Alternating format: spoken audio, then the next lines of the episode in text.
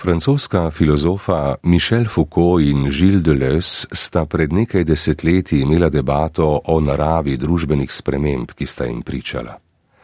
Ob usponu neoliberalizma sta razvijala tezo, da prehajamo iz disciplinske družbe v družbo nadzora. Prva je utemeljena na organiziranju ljudi v zaprtih, totalnih ustanovah, kot so zapori, šole in tovarne.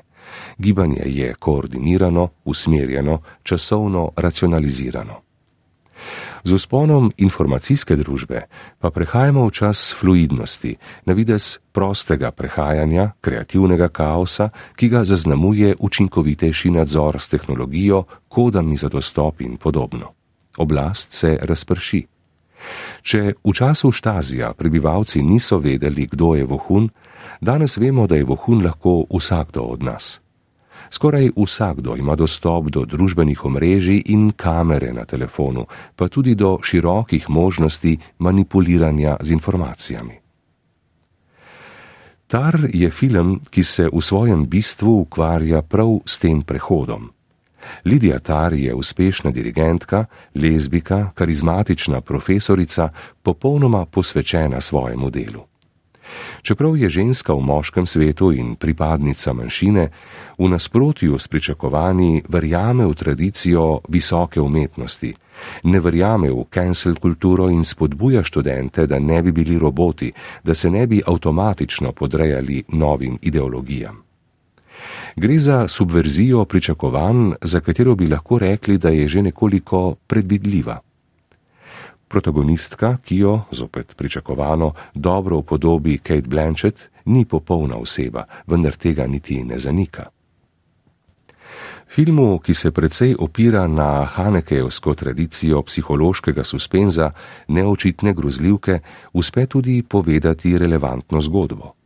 Ta suspens se ustvarja tudi z mešanjem skoraj dokumentarnega realizma in skrajno subjektivnih, intimnih zares v objektivno podobo.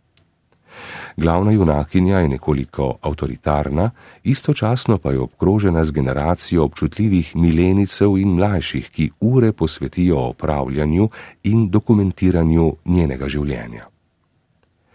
Ko se proti tar začne kampanja obtožb, nikoli ne izvemo, koliko je res in kaj je bolj demonsko gorečnost novega pravičništva, ki samo prežina priložnost, da pokoplje osebo ter s tem praznino svojega nihilizma.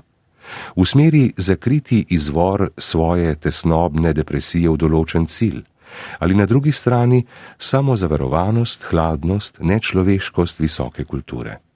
Film, ki učinkovito manipulira z gledalcem, sam prikaže neštete možnosti manipulacije z dejstvi v času novih tehnologij.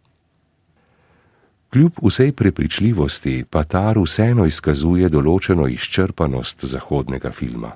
Ta se v zadnjih letih ukvarja predvsem še z lastno izčrpanostjo, kritiko kulturnega pogona in identitetnimi politikami, nekoliko pa zanemarja probleme slehernika, tako eksistenčne kot eksistencialne.